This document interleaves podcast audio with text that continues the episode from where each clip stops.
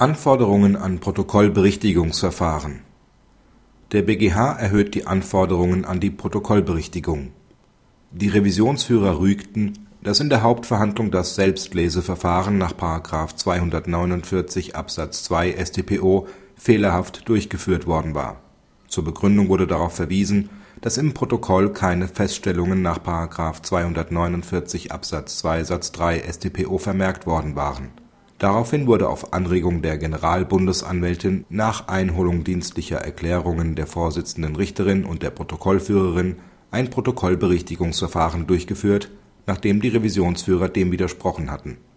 Der BgH hält das Berichtigungsverfahren für unzureichend, denn in den dienstlichen Erklärungen wurde lediglich versichert, dass das Selbstleseverfahren durchgeführt worden sei. Sie enthielten jedoch keine Erklärungen dahingehend dass durch die Vorsitzende eine Feststellung nach § 249 Absatz 2 Satz 3 StPO erfolgt wäre. Der BgH legt daher seiner Entscheidung das unberichtigte Protokoll zugrunde und gibt der Revision statt. Kritik Die Entscheidung verdient Zustimmung. Da eine Protokollberichtigung einer bereits eingelegten Revision die Grundlage entziehen kann, sind wenigstens an ihre Durchführung strenge Maßstäbe anzulegen